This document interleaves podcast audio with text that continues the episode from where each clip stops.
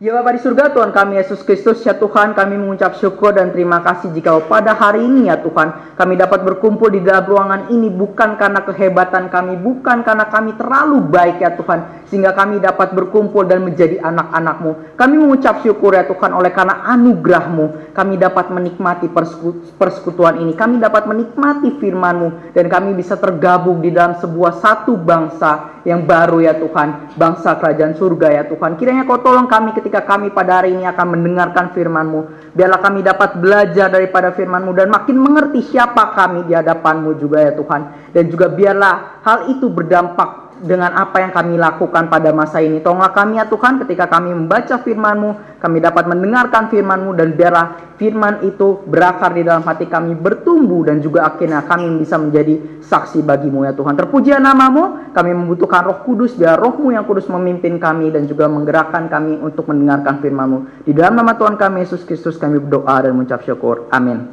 Ya, eh, pada hari ini kita pada pagi ini tepatnya kita akan membahas tentang bangsa dan negara seperti itu. Nah, eh, perikop yang akan kita ambil atau kita baca itu berasal dari Alkitab. Betul. Eh, dari Alkitab dari kitab 1 Petrus 2. Jadi teman-teman bisa buka 1 Petrus 2 ayatnya yang ke-9 sampai 17. Ya, 1 Petrus 2 ayat 9 sampai 17. Nah, saya telah meminta salah seorang asis- asisten saya untuk membacakan firman pada hari ini. Bisa diminta, bisa ditolong saya yang suaranya merdu membacakan firman pada hari ini agar kita dapat mendengarkan firman Tuhan. 1 Petrus 2 ayat 9 sampai 17. Tetapi kamulah bangsa yang terpilih, imamat yang rajani, bangsa yang kudus, umat kepunyaan Allah sendiri, supaya kamu memberitakan perbuatan-perbuatan yang besar dari Dia yang telah memanggil kamu keluar dari kegelapan kepada terangnya yang ajaib.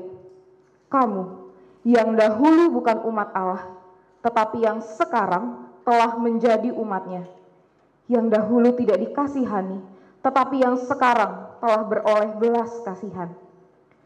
Saudara-saudaraku yang kekasih, aku menasihati kamu, supaya sebagai pendatang dan perantau, kamu menjauhkan diri dari keinginan-keinginan daging yang berjuang melawan jiwa.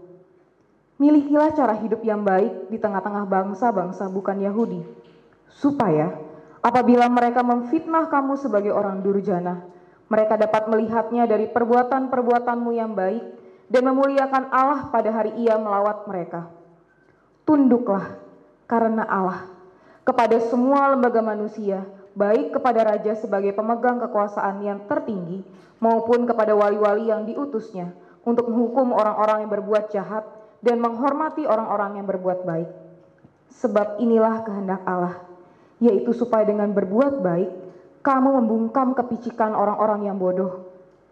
Hiduplah sebagai orang merdeka dan bukan seperti mereka yang menyalahgunakan kemerdekaan itu untuk menyelubungi kejahatan-kejahatan mereka.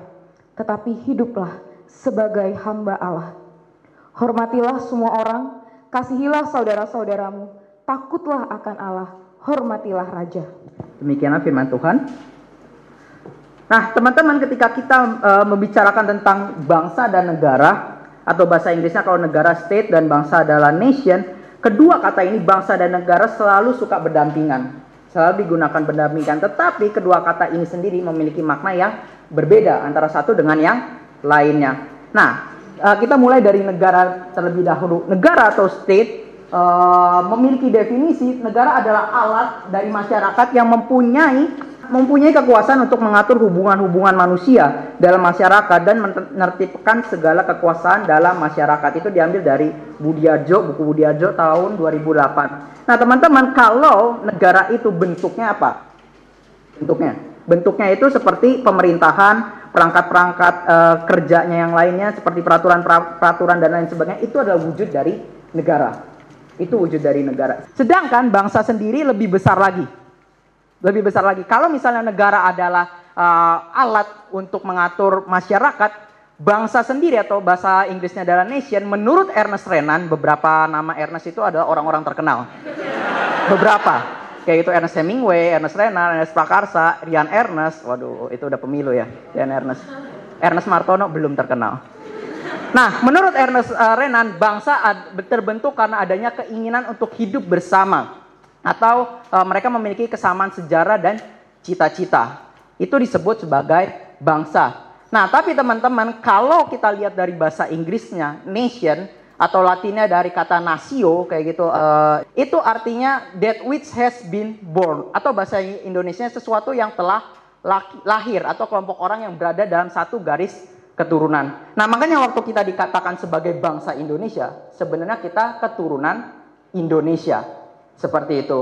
Jadi kalau waktu dikatakan bangsa Indonesia, kita keturunan Indonesia. Masalahnya adalah ketika kita adalah orang-orang Kristen, ketika kita orang-orang Kristen, uh, kita memiliki identitas yang berbeda daripada orang-orang Indonesia yang lain. Iya, identitas kita adalah orang Indonesia. Itu betul. Seperti itu. Tetapi berbeda dengan orang-orang Kristen yang ada di Indonesia. Mereka memiliki sebuah identitas yang jauh lebih baik lagi dari sekedar bangsa Indonesia. Identitas apa? Teman-teman kita tadi sudah membaca dan mendengarkan dari 1 Petrus 2 ayat 9 sampai 10 dikatakan tetapi kamulah bangsa yang terpilih imamat yang rajani, bangsa yang kudus, umat kepunyaan Allah sendiri. Nah, teman-teman, sebenarnya dari Indonesia, bangsa Indonesia, kita memiliki sebuah identitas lain yang lagi, yaitu kita adalah bangsa yang terpilih.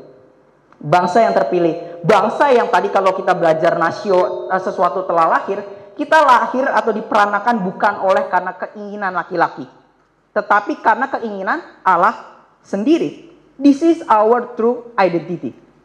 Ini identitas kita yang sebenarnya dan ini identitas yang kekal. Setelah kalian meninggal, kalian udah berhenti jadi bangsa Indonesia. Kalian berhenti karena sudah nggak mau nggak ada KTP kan untuk orang mati nggak ada kan? KTP untuk orang mati mati udah udah berhenti.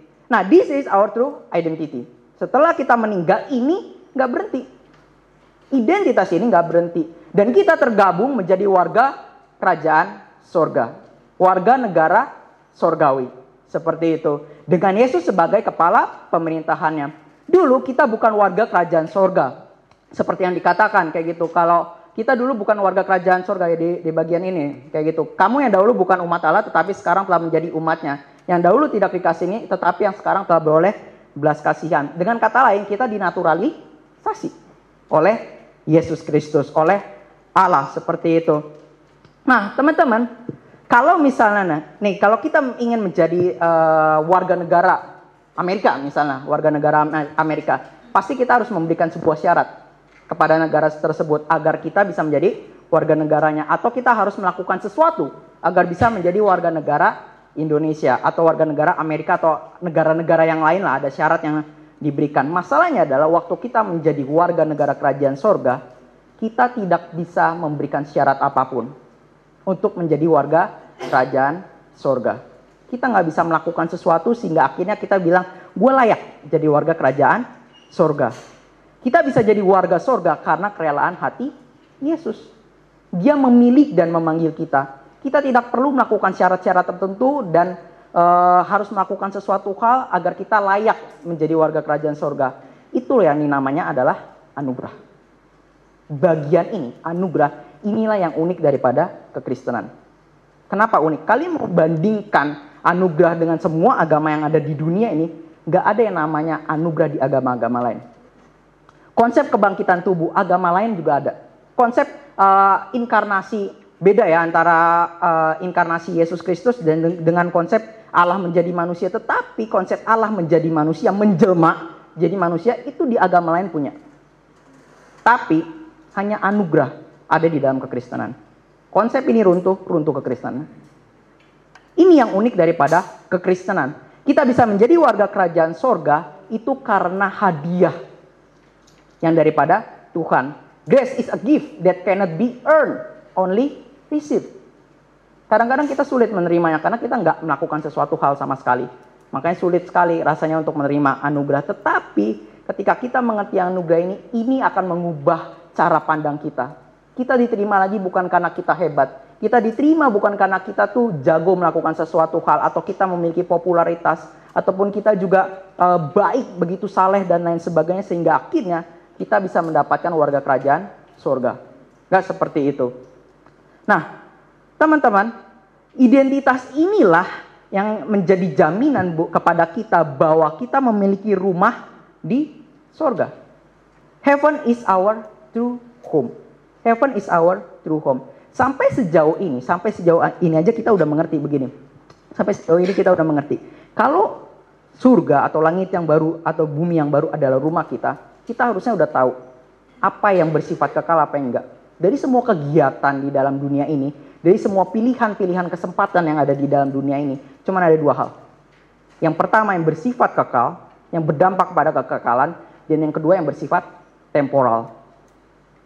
Tapi teman-teman, dari semua kegiatan dan kesempatan yang bisa kalian ambil dalam dunia ini, semuanya sifatnya temporal. Kalian menginjili ya udah di dunia doang. Kalian pelayanan di dunia doang. Kalian belajar di dunia doang. Kalian nanti menjadi uh, presiden misalnya atau kalian nanti jadi pejabat ataupun juga kalian melakukan sesuatu di dalam bidang pekerjaan kalian itu di dunia doang.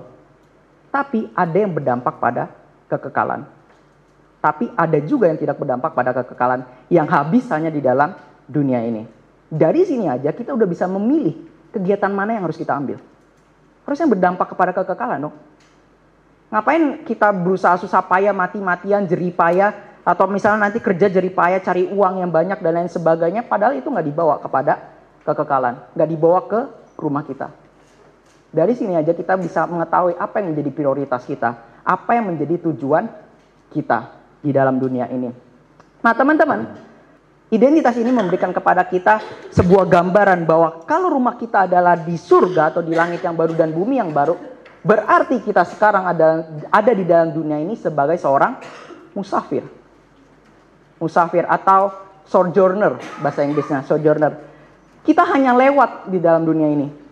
Kita tuh nggak membangun sesuatu yang kekal di dalam dunia ini. Kita nggak bisa membangun popularitas kita, keuangan kita, kah, atau keluarga kita yang terlalu baik sehingga akhirnya tidak hancur sama sekali, ataupun prestasi kita yang tinggi tinggi banget itu itu nggak nggak mungkin akan bersifat kekal dan tidak hancur sama sekali. Pikirkan satu hal yang mungkin bisa kalian bangun tapi nggak akan hancur di dalam dunia ini. Semuanya bersifat temporal. Kita hanya sedang berjalan. Kita hanya melewati dunia ini. Karena dunia ini bukan rumah kita. Dunia ini bukan rumah kita. Kita adalah seorang musafir bersama-sama. Dan uh, semua orang di dalam dunia ini sebenarnya uh, seorang pejalan ya atau atau musafir. Semua orang akan kembali kepada Allah. Hanya saja ada orang yang kembali kepada Allah dan bisa berelasi dengan Allah sampai kekekalan, sampai sepanjang kekekalan. Ada yang akhirnya terputus dengan Allah sepanjang kekekalan. Tapi kita semua yang ada di dalam ini, semua orang berjalan sadar nggak sadar berjalan ke arah Allah. Sadar nggak jalan, eh, sadar nggak sadar, mereka itu semua sama-sama seperti kita, musafir. Karena bukan ini rumah kita. Ada beberapa orang yang menganggap rumah kita adalah di dalam dunia ini, seperti itu. Tapi teman-teman, kita menjadi warga kerajaan sorga itu bukan sekedar Yesus memanggil kita daripada uh, kegelapan kepada terangnya yang ajaib, hanya sekedar memindahkan kita dari neraka ke sorga. Hanya sekedar menyelamatkan kita. Seperti itu. Dan akhirnya ya udah tunggu aja nanti Tuhan Yesus datang kedua kali. Atau kalau ada yang mau ketemu Tuhan Yesus sekarang ya juga boleh. Seperti itu. Enggak seperti itu teman-teman. Kita ada sebuah tugas, ada hal yang perlu kita lakukan. Jadi kita bukan sekedar pindah dari neraka ke sorga, Kenapa? Tetapi kamulah bangsa yang terpilih, Muhammad yang rajani, bangsa yang kudus, umat kepunyaan Allah sendiri, supaya kamu memberitakan perbuatan-perbuatan yang besar daripada Allah.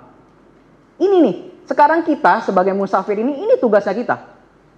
Memberitakan kepada dunia perbuatan-perbuatan besar yang dilakukan oleh Allah. Dengan kata lain, kita adalah musafir yang bersaksi. Dengan kata lain, kita adalah musafir yang bersaksi. Pertanyaannya jadi begini. Kalau kita adalah musafir yang bersaksi, bagaimana caranya kita bersaksi? Apa yang harus kita lakukan agar kita bersaksi? Teman-teman, di dalam kehidupan ini hanya manusia yang bisa memikirkan apa yang dia hidup. Hanya manusia yang uh, bisa memikirkan kenapa dia ada di dalam dunia ini, apa yang harus dia lakukan, apa yang harus dia capai di dalam dunia ini. Kalian nggak pernah ngelihat semut atau anjing itu kebingungan siapa saya. Terus kalian gak akan pernah lihat yang namanya uh, burung pipit itu nabrak kaca karena dia bingung siapa saya, apa yang harus saya lakukan, nggak pernah.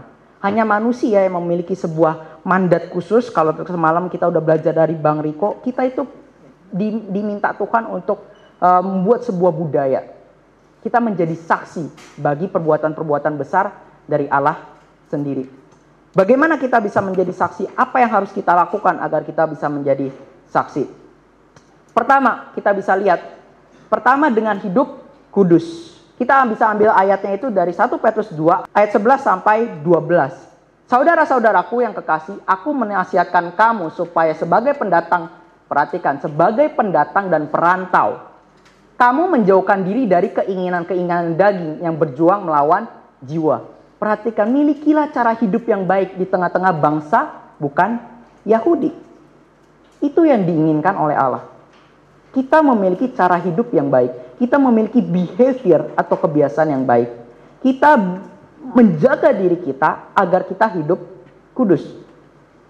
Teman-teman waktu uh, membaca ayat ini jangan bilang kalau kita tuh harus pura-pura hidupnya. Oh, gue harus baik nih di depan orang. Karena ini keinginan Yesus.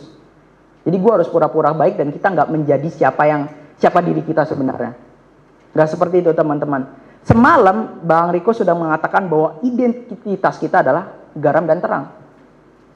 Identitas kita garam dan terang. Itu yang harusnya kita lakukan. Itu yang harusnya kita tuh harus jadi seperti itu. Bukannya pura-pura baik. Bukan seperti itu. Tapi dari ketika Yesus uh, memindahkan kita dari kegelapan kepada terangnya yang ajaib, kita diberikan sebuah kemampuan dan Yesus terus-menerus akan menolong kita menjadi semakin hari semakin efektif di dalam kesaksian kita. Kita bukan lagi main-main jadi orang-orang baik, pura-pura jadi orang-orang saleh seperti itu. Tetapi memang kita adalah orang yang saleh, orang yang kudus. Makanya jagalah hati kita. Jagalah hati kita. Karena dari situlah terpancar kehidupan kita. Jagalah hati kita. Nah teman-teman perhatikan. Uh, miliki cara, cara hidup yang baik di tengah-tengah bangsa bukan Yahudi. Supaya apabila mereka memfitnah kamu sebagai orang durjana, mereka dapat melihatnya dari perbuatan-perbuatanmu yang baik dan memuliakan Allah pada hari ia melawat mereka. Saat itu waktu konteks uh, kitab Petrus uh, ditulis, orang-orang uh, Kristen saat itu sering menjadi kambing hitam. Sering menjadi kambing hitam akan kesialan atau kejahatan yang terjadi di dalam uh, masyarakat saat itulah. Seperti itu. Makanya Petrus mengatakan miliki cara hidup yang baik. Sehingga ketika mereka memfitnah kamu itu nggak mungkin. Nggak, nggak sejalan tuh dengan jalan hidupnya. Biasanya gue kenal dia jadi orang baik kok. Kok tiba-tiba jadinya hidupnya begitu. Nggak mungkin sama sekali. Dan ini hanya terjadi teman-teman kalau kita memiliki teman-teman dekat atau sahabat dekat yang berbeda keyakinan dengan kita. Bagaimana dia bisa tahu hidup kita baik? Bagaimana kita mereka bisa tahu kalau sebenarnya kita tuh adalah orang yang kudus? Kalau kita nggak dekat dengan mereka, kalau kita tidak bersahabat dengan mereka.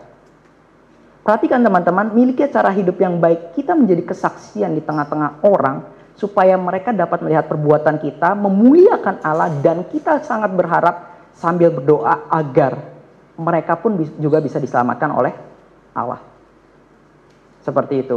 Ini salah satu hal atau cara untuk kita menjadi kesaksian. Yang akhirnya teman-teman, kita sebenarnya selain musafir yang bersaksi, kita adalah sign post. Kita tuh penunjuk jalan. Kita penunjuk, eh, penunjuk arah. Teman-teman, uh, buatlah hidup kalian sebegitu rupa atau uh, hidupilah identitas ini sebegitu rupa sehingga orang-orang di sekitar kita atau teman-teman kalian nanti bertanya kepada kalian karena mereka penasaran orang ini berbeda banget dengan yang lainnya dan mereka ingin cari tahu kenapa kalian bisa begitu berbeda daripada yang lain kadang-kadang kita ingin menginjili orang kayak gitu langsung tanya uh, kepada orang itu mau nggak terima Yesus langsung tembak seperti itu. Orang-orang kadang-kadang langsung, ya enggak lah. Orang kitabnya kita bacanya beda. Buat apa gue juga jadi orang Kristen kalau hidup lu juga begitu juga. Gak ada bedanya dengan orang-orang yang lain. Seperti itu. Makanya hidupilah identitas kalian begitu rupa sehingga kalian hidupnya tuh menarik bagi orang lain. Orang lain tuh bertanya-tanya, kenapa kalian bisa seperti itu? Kenapa berbeda dengan kami? Cara yang kedua untuk menjadi saksi adalah menundukkan diri kepada lembaga manusia. Petrus mengatakan, tunduklah karena Allah kepada semua lembaga manusia, baik kepada raja sebagai pemegang kekuasaan yang tertinggi maupun kepada wali-wali yang diutusnya, untuk menghukum orang-orang yang berbuat jahat dan menghormati orang-orang yang berbuat baik. Meskipun kita bangsa uh, yang baru, bangsa yang terpilih, imamat yang rajani, dan Yesus menjadi pemimpin kita, tapi kita diminta untuk hidup tunduk kepada lembaga manusia. Lembaga manusia apa pun itu. Seperti itu. Tunduklah karena Allah kepada semua lembaga manusia, baik kepada raja sebagai bagi kepada raja itu yang paling tinggi, maupun kepada wali-wali yang diutusnya untuk menghukum orang yang berbuat jahat dan menghormati orang-orang yang berbuat baik. Kita tidak tunduk kepada pemerintah hanya sekedar menjadi orang Kristen yang biasa-biasa saja, menjadi orang Kristen yang mematuhi peraturan-peraturan simple. Contoh peraturan simple, naik motor pakai helm. Naik motor uh, punya SIM, bawa SIM, bawa STNK dan lain sebagainya, bayar pajak dan lain sebagainya. Tidak ada uh, unbelievers atau orang-orang yang tidak percaya, tidak ada orang yang tidak percaya yang tertarik dengan orang Kristen yang minimalis hidupnya. Nggak ada yang tertarik. Mereka juga bisa melakukan hal itu. Tapi apa yang menarik bagi orang Kristen adalah uh, apa yang menarik dari orang Kristen adalah ketika kita menjadi orang Kristen yang melimpah-limpah perbuatan baiknya, yang melampaui ekspektasi daripada orang lain. Itu yang menarik bagi orang lain. Mereka nggak berpikir kita akan melakukan hal itu kalau Yesus bilang kalau ada yang mau jalan satu mil kalian jalan dua mil, kalau ada yang tampar pipi kiri kasih pipi kanan dan lain sebagainya kita mencari orang-orang mencari uh, kita orang Kristen harusnya mencari cara bagaimana dalam setiap kesempatan atau kemungkinan kita dapat memberkati komunitas yang ada di kita saat itu. Kalau kalian nanti ada di sekolah, kalian mencari cara bagaimana kalian bisa menjadi berkat. Bagaimana caranya memberkati komunitas kalian? Bagaimana caranya bisa membagikan kasih yang melimpah-limpah? Bagaimana hidup gue bisa melimpah-limpah dengan perbuatan-perbuatan baik kepada orang-orang di sekitar kita? Dari hal ini kita aja udah tahu harusnya bagaimana kita memilih pekerjaan, bagaimana harusnya kita memilih jurusan, bagaimana harusnya kita hidup di dalam dunia kampus nanti. Memberkati orang. Bukan berambisi untuk mendapatkan prestasi yang tertinggi walaupun itu bagus mendapatkan prestasi yang tertinggi. Tapi bukan berarti prestasi itu segala-galanya buat kita. Sehingga akhirnya kita tidak mempedulikan orang lain. Hidup orang lain. Sedangkan kita tahu prestasi itu nggak ada tuh di, di surga tuh nggak ada piala karena kalian dapat raport yang paling bagus. Kalau karena kalian masuk SN apa sih namanya undangan-undangan itu, itu nggak ada piala di surga. Nah teman-teman, eh, sedangkan bagaimana kita mempraktekannya di dalam kehidupan bangsa dan negara kita, di dalam Pancasila sendiri terdapat nilai, cita-cita dan harapan dari bangsa Indonesia. Kita yang menjadi warga negara bangsa Indonesia dan terlahir sebagai keturunan Indonesia sudah seharusnya berjuang untuk mencapai cita-cita tersebut, bukan malah mengoyak dan berusaha menghancurkan Pancasila. Kalau tadi menurut Ernest Renan, sebuah bangsa itu adalah orang yang memiliki kesamaan cita-cita dan bangsa. Ini harusnya yang menjadi cita-cita dan harapan kita. Ini harus menjadi cita-cita. Harusnya semua orang di dalam Indonesia ini berjuang bersama-sama untuk mencapai cita-cita ini. Makanya ketika ada yang mau mengganti dengan ideologi lain atau Pancasila mau dihancurkan, jelas kita nggak setuju. Itu cita-cita kelompok, sebagian kelompok orang. Bukan cita-cita seluruh bangsa Indonesia. Seperti itu. Makanya kita harusnya turut andil untuk mencapai cita-cita ini. Tapi masalahnya teman-teman, untuk mencapai cita-cita Indonesia ini, Indonesia menghadapi banyak tantangan dunia yang telah dirancang dengan baik oleh Allah telah rusak sejak dosa masuk ke dalam dunia dan kejahatan pun menyerbu. Media sosial kita penuh dengan berita-berita hoax. Belum lagi berita-berita pejabat yang korupsi. Kita dibuat bingung juga dengan simpang siurnya berita-berita bohong. Dan hati kita mungkin sedih juga mendengar kabar perundungan anak di bawah umur. Dan hati kita capek melihat drama percampuran antara politik yang berbalut dengan agama. Ini semua membuat Indonesia, cita-cita kita Indonesia itu menjadi gelap. Menjadi rusak. Menjadi jauh sekali dari cita-cita bangsa Indonesia. Semua kejahatan-kejahatan tersebut. Dan waktu kita mendengar kisah-kisah ini atau atau berita-berita buruk seperti ini, hati kita gelisah. Hati kita gelisah. Kegelisahan inilah yang akan Tuhan pakai untuk menaruh isi hati Tuhan di dalam hati kita. Kegelisahan melihat kondisi bangsa ini, kegelisahan melihat hal-hal buruk yang ada di dalam bangsa ini, itu yang akan Tuhan pakai agar Tuhan menaruh isi hatinya ke dalam hati kita. Tuhan memberikan kepada kita sebuah passion and purpose yang masing-masing berbeda untuk bergerak bersama-sama merajut bendera merah putih yang robek di sana sini. Tuhan memberikan kepada kita passion atau gairah. Masing-masing setiap orang berbeda. Dan di dalam terang Alkitab sendiri, passion atau gairah yang sejati lahir dari keinginan untuk tidak mementingkan diri sendiri. Tahu uh, film Passion of the Christ? Lihat bagaimana Yesus Kristus uh, berjuang untuk naik ke atas Golgota dan akhirnya disalib. Dia lakukan bukan, bukan untuk diri dia sendiri, tapi untuk orang lain.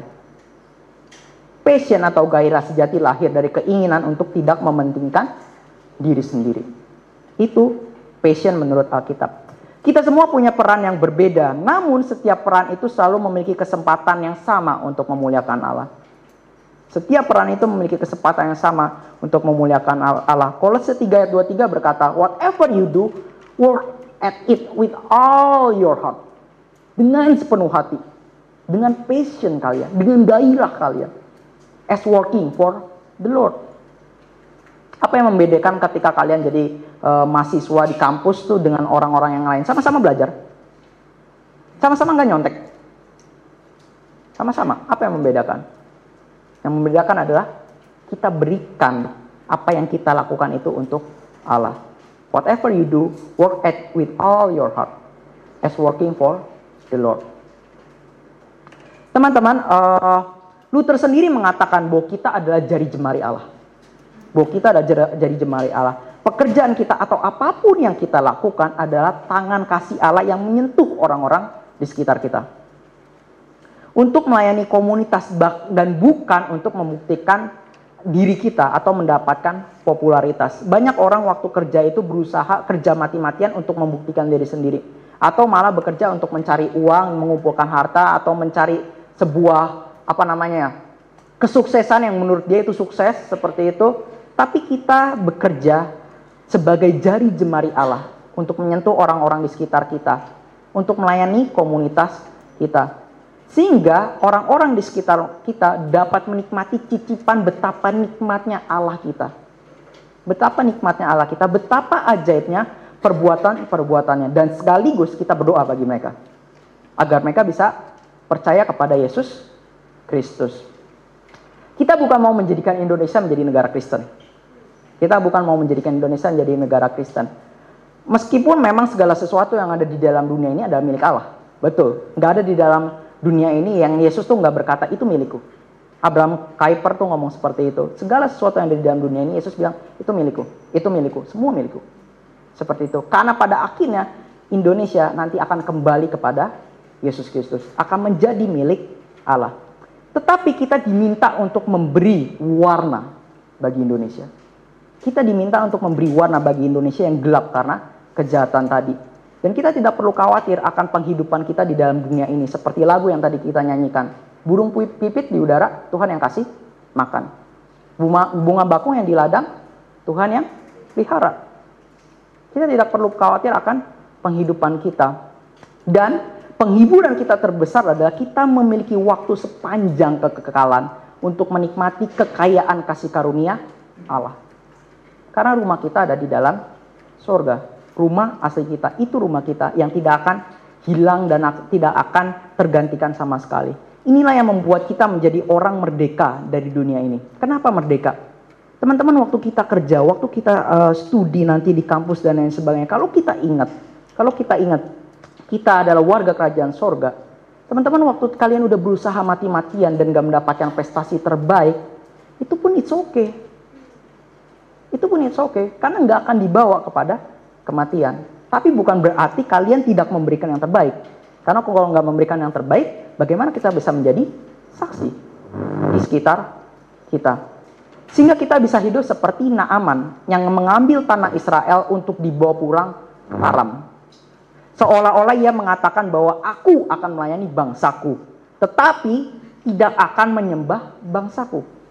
Kepentingan nasional Aram penting bagiku, tetapi bukan lagi menjadi ilah utama atau berhalaku.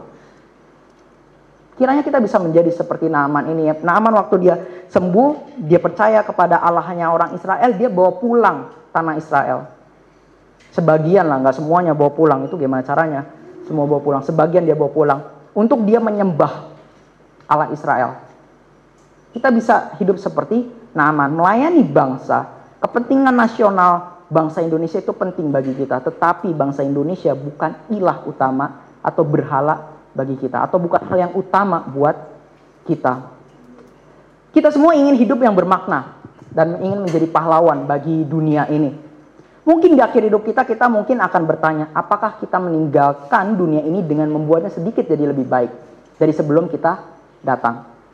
Kita bertanya seperti itu, apakah kegelisahan-kegelisahan kita mengenai bangsa Indonesia atau dunia yang akan uh, yang penuh dengan kejahatan itu terjawab atau kita berhasil menghilangkan kejahatan-kejahatan yang ada di dalam dunia.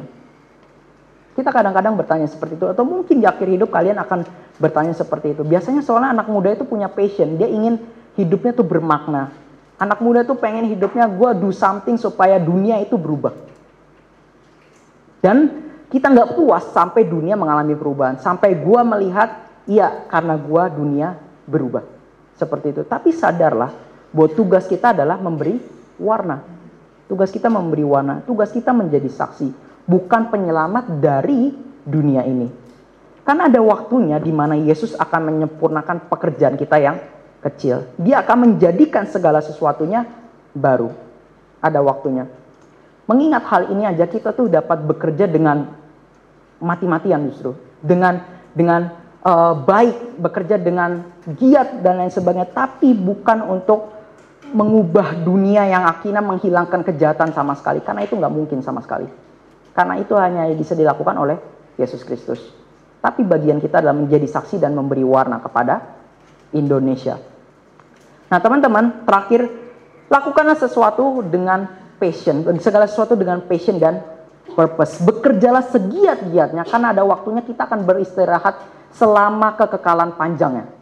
Selama kekekalan panjangnya. Dan menikmati bagaimana pekerjaan-pekerjaan kita disempurnakan oleh Yesus Kristus dan menikmati kasih Yesus yang begitu melimpah kepada kita.